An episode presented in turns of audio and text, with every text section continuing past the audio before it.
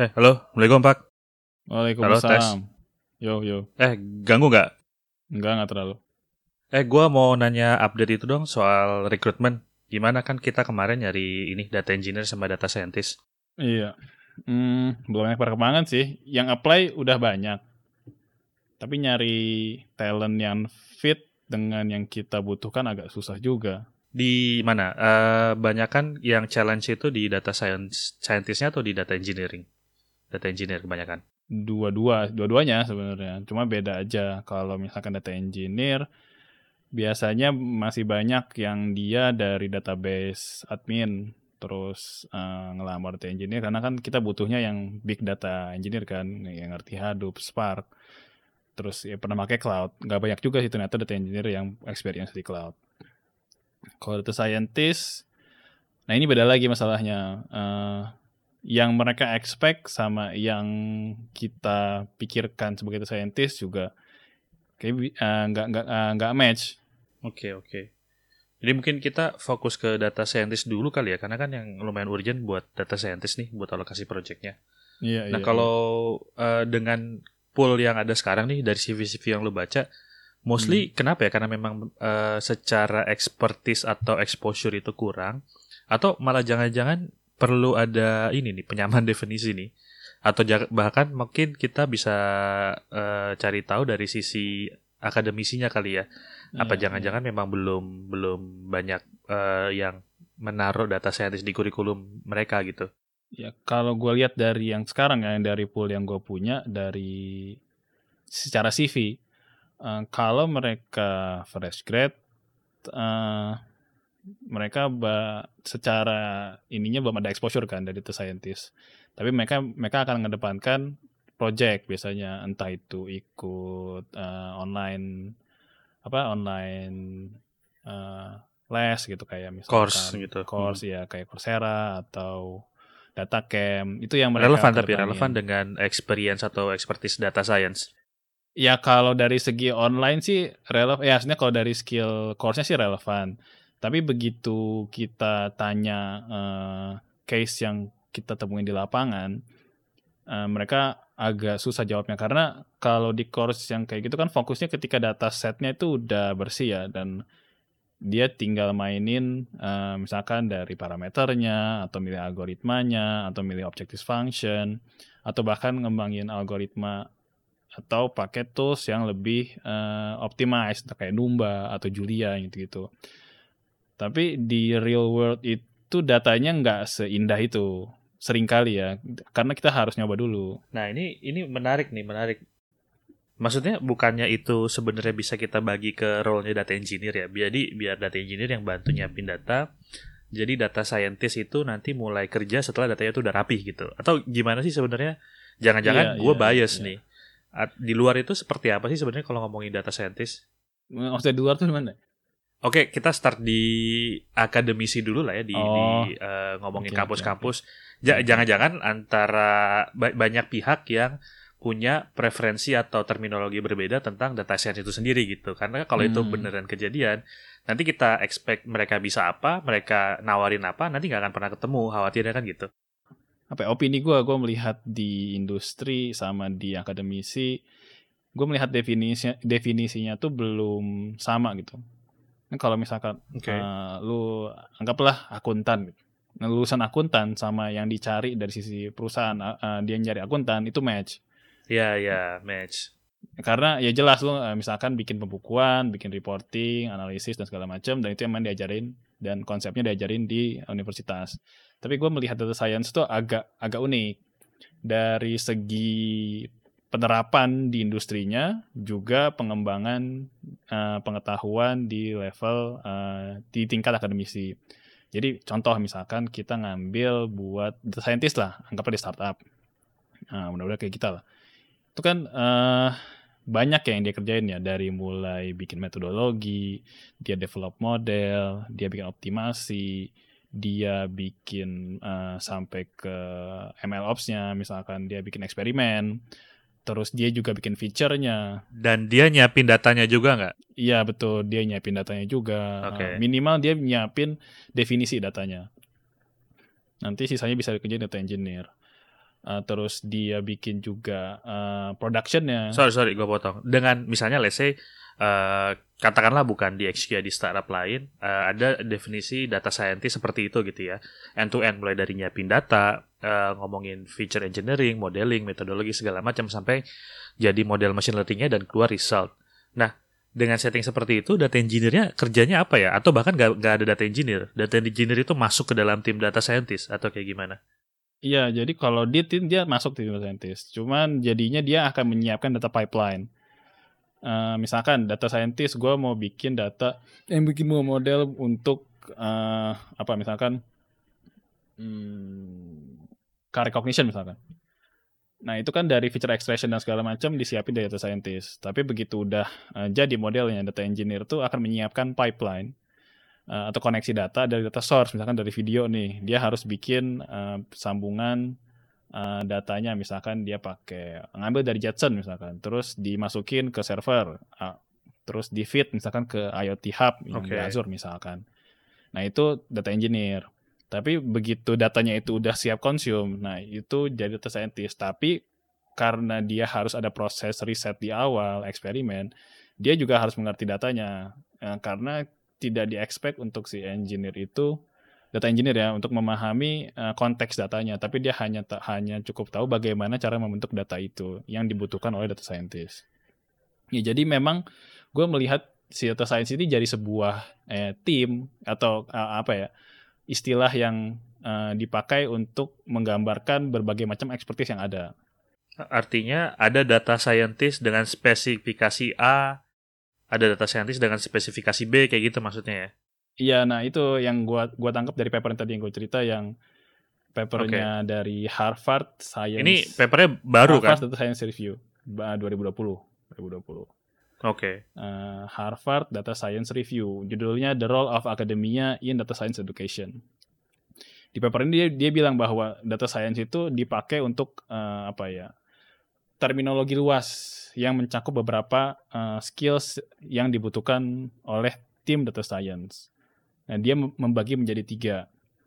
Jadi uh, secara role ya ada data science, eh sorry ada data analis, data engineer, sama machine learning engineer.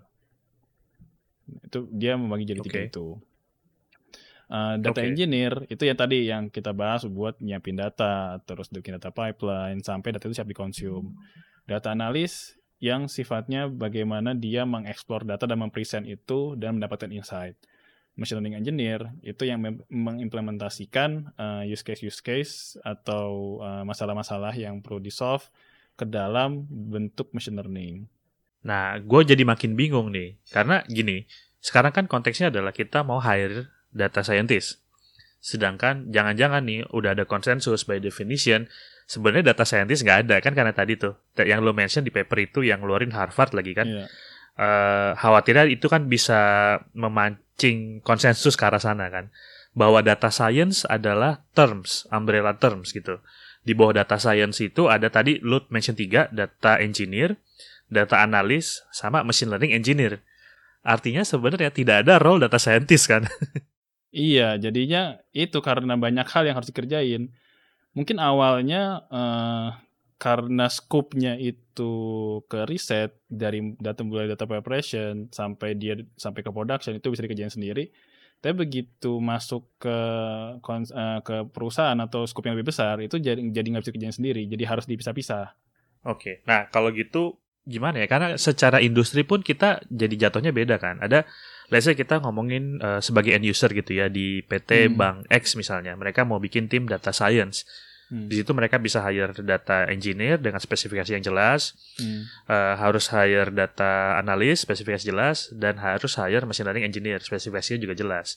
Hmm. Sedangkan ketika kita sebagai vendor yang menawarkan jasa itu, yang sebenarnya kita juga melakukan developmentnya juga bukan cuma production ya kalau mereka kan cuma maintain production misalnya yeah. katakanlah developmentnya misalnya dikerjakan vendor atau mungkin mm. punya tim khusus R&D misalnya yeah. nah ketika kita mau uh, dan mostly kan di project ya seperti lo tahu sendiri kita selalu start dari dev gitu kan bukan mm. kayak projectnya tuh mereka udah punya dev tinggal kita memprotkan gitu yeah. nah ketika kita butuh role itu apakah kita tetap harus nurunin tiga role itu masing-masing. Mereka kita suruh kerja bareng atau beneran masih ada nih role data scientist quote unquote yang reserve memang buat harus tahu end to end dari tiga role itu yang nantinya mereka in charge terhadap development research dari any kind of inisiatif data science hmm. yang mau kita hmm. kerjain gitu. Ya, ya. Kalau buat gua sih buat start ya, uh, kita bisa nurunin tiga row tadi.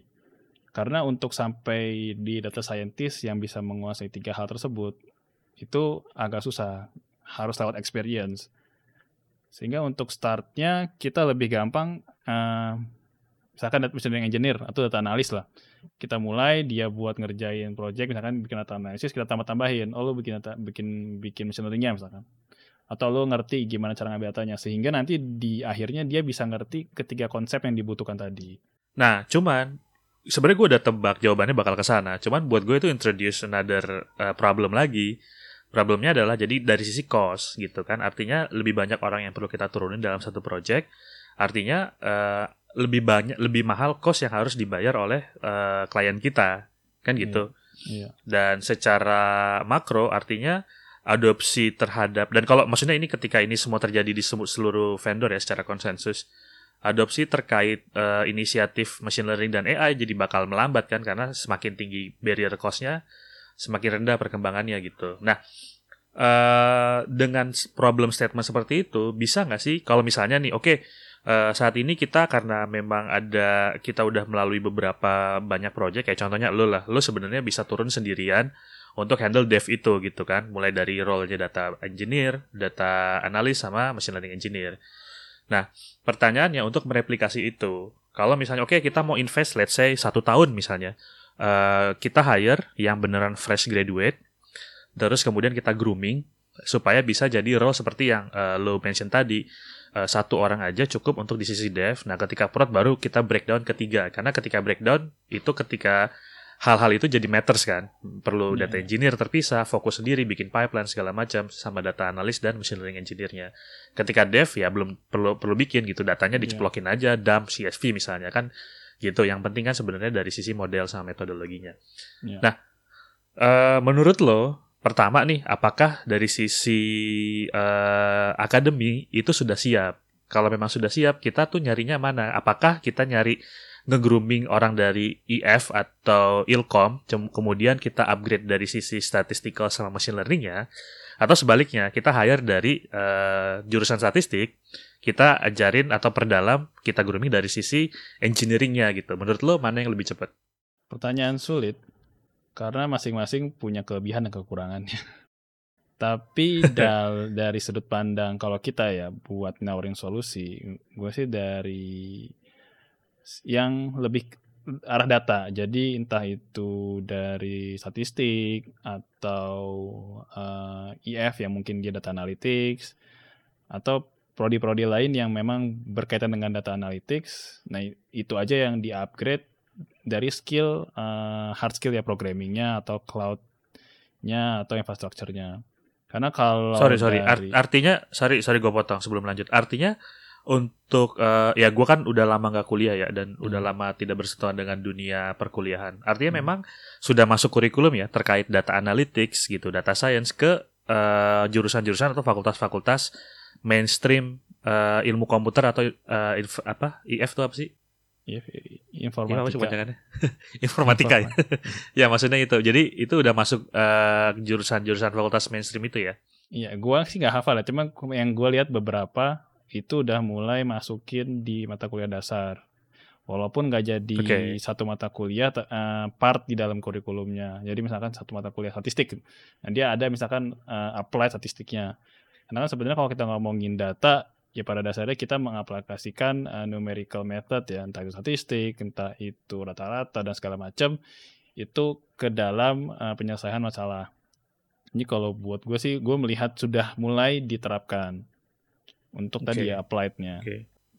ya good news berarti ya. Oke okay, lanjut lanjut. Ya gitu. Uh, jadi uh, ya kalau tadi kita bahasnya bagaimana ngembangin orang ya menurut gua jadinya nggak bisa kita minta di depan bahwa dia tiga bisa tiga tiganya either dari data engineer atau machine learning engineer atau data analis yang kita coba uh, dia membangun pemahaman di dua field yang lainnya Atau kita coba dua-duanya aja. Iya bisa Let's sih. see which one yang ya. Jadi kita hire dari Iya. statistik, hire dari Ilkom, nah kita Iya. coba cross eh, Iya. apa groom. Iya, iya. Ada ini juga sih, ada perkembangan terbaru. Apa tuh? Di ini, di dunia pendidikan ada yang namanya Merdeka Belajar. Nah, sorry sebelum ke sana. Atau kalau misalnya nih, kita eh, reverse engineering deh. Reverse engineering Wah, ya. Kan sulit. saat ini kalau ngomongin di XQ eh, salah satu data scientist lah for the lack of better terms yang konsensus tadi ya.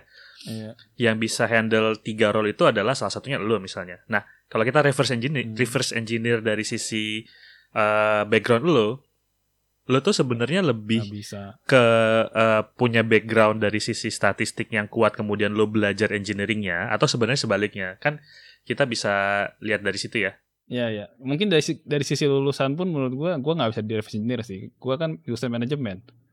manajemen keuangan. Iya ya, Iya tapi kalau kalau kalau bisa atau atau kita ajarin gitu, kita cari manajemen keuangan kita ajarin statistik sama ngoding ya tapi kalau misalkan mau kayak gitu, gua sih lebih suka dari yang statistik. oke Kayak- Ya karena gue juga di kan gue sarjananya ekonomi tuh waktu itu masih ekonomi. Banyaknya memang numerical method dari dari sisi uh, statistik atau me- ekonometri. Nah itu lumayan banyak gue dapatnya. Dan itu yang memang jadi bekal awalnya. Dan capability dari sisi programmingnya toolsnya segala macam itu lebih mudah dipelajari dibanding Iya. konsep statistik dan numerical methodnya itu sendiri gitu maksudnya ya Iya ya. Jadi gue memang belajar tools itu karena gue butuh analisis data waktu itu kan. Ya tadi yang oh, gue gue satu eh, manajemen manajemen keuangan. Nah S2-nya gue memang ma- masuk ke simulasi. Nah di situlah gue mulai tools untuk data analisis. Nah data analisis ini toolsnya yang banyak digunakan pakai R, pakai Python, terus eh, Spark untuk tadi gue ngerjain eh, tesis. Nah eh, kalau tools tadi yang gue kuasai dipakai untuk analisis bisnis, ya menurut gue jatuhnya bisa kayak jadi data science juga.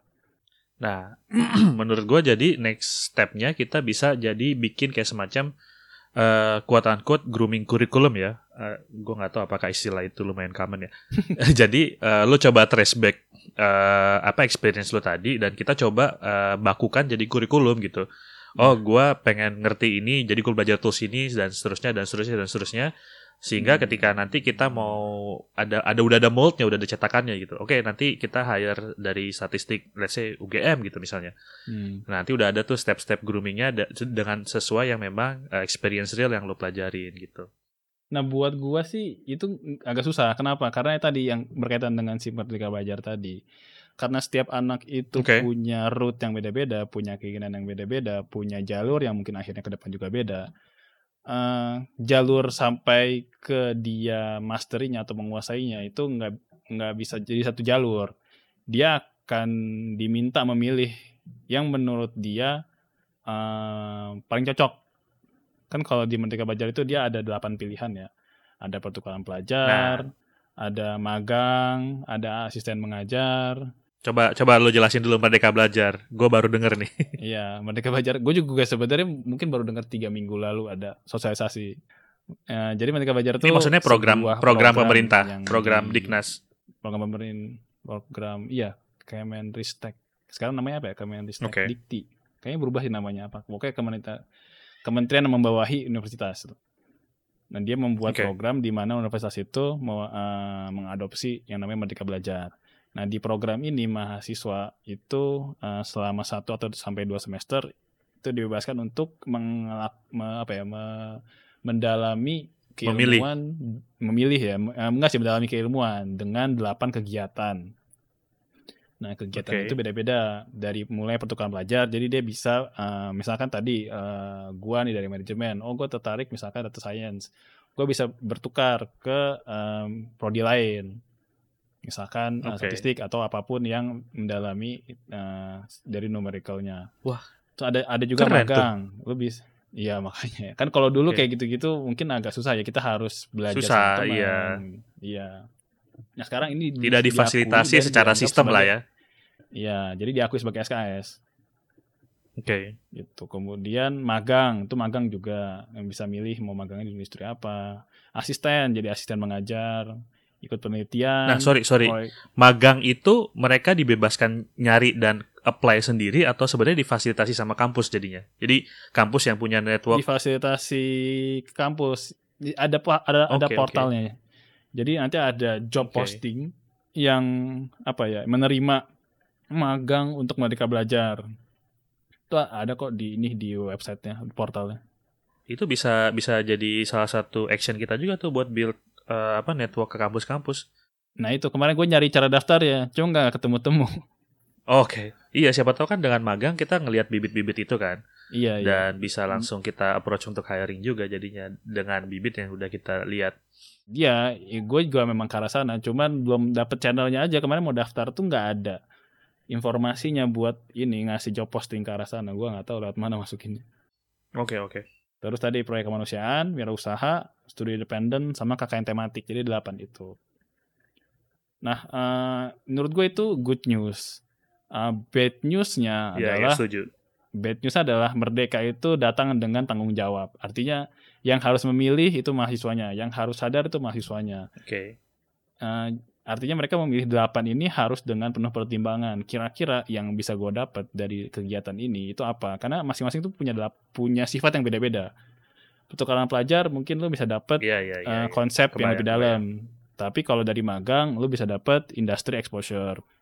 Nah itu mungkin yang jadi tugas tambahan buat mahasiswanya ketika dia harus memilih kegiatan apa yang itu akan berpengaruh juga ke depan dia mau eh, setelah lulus nih mau ngapain mau riset kah atau ke industri Oke.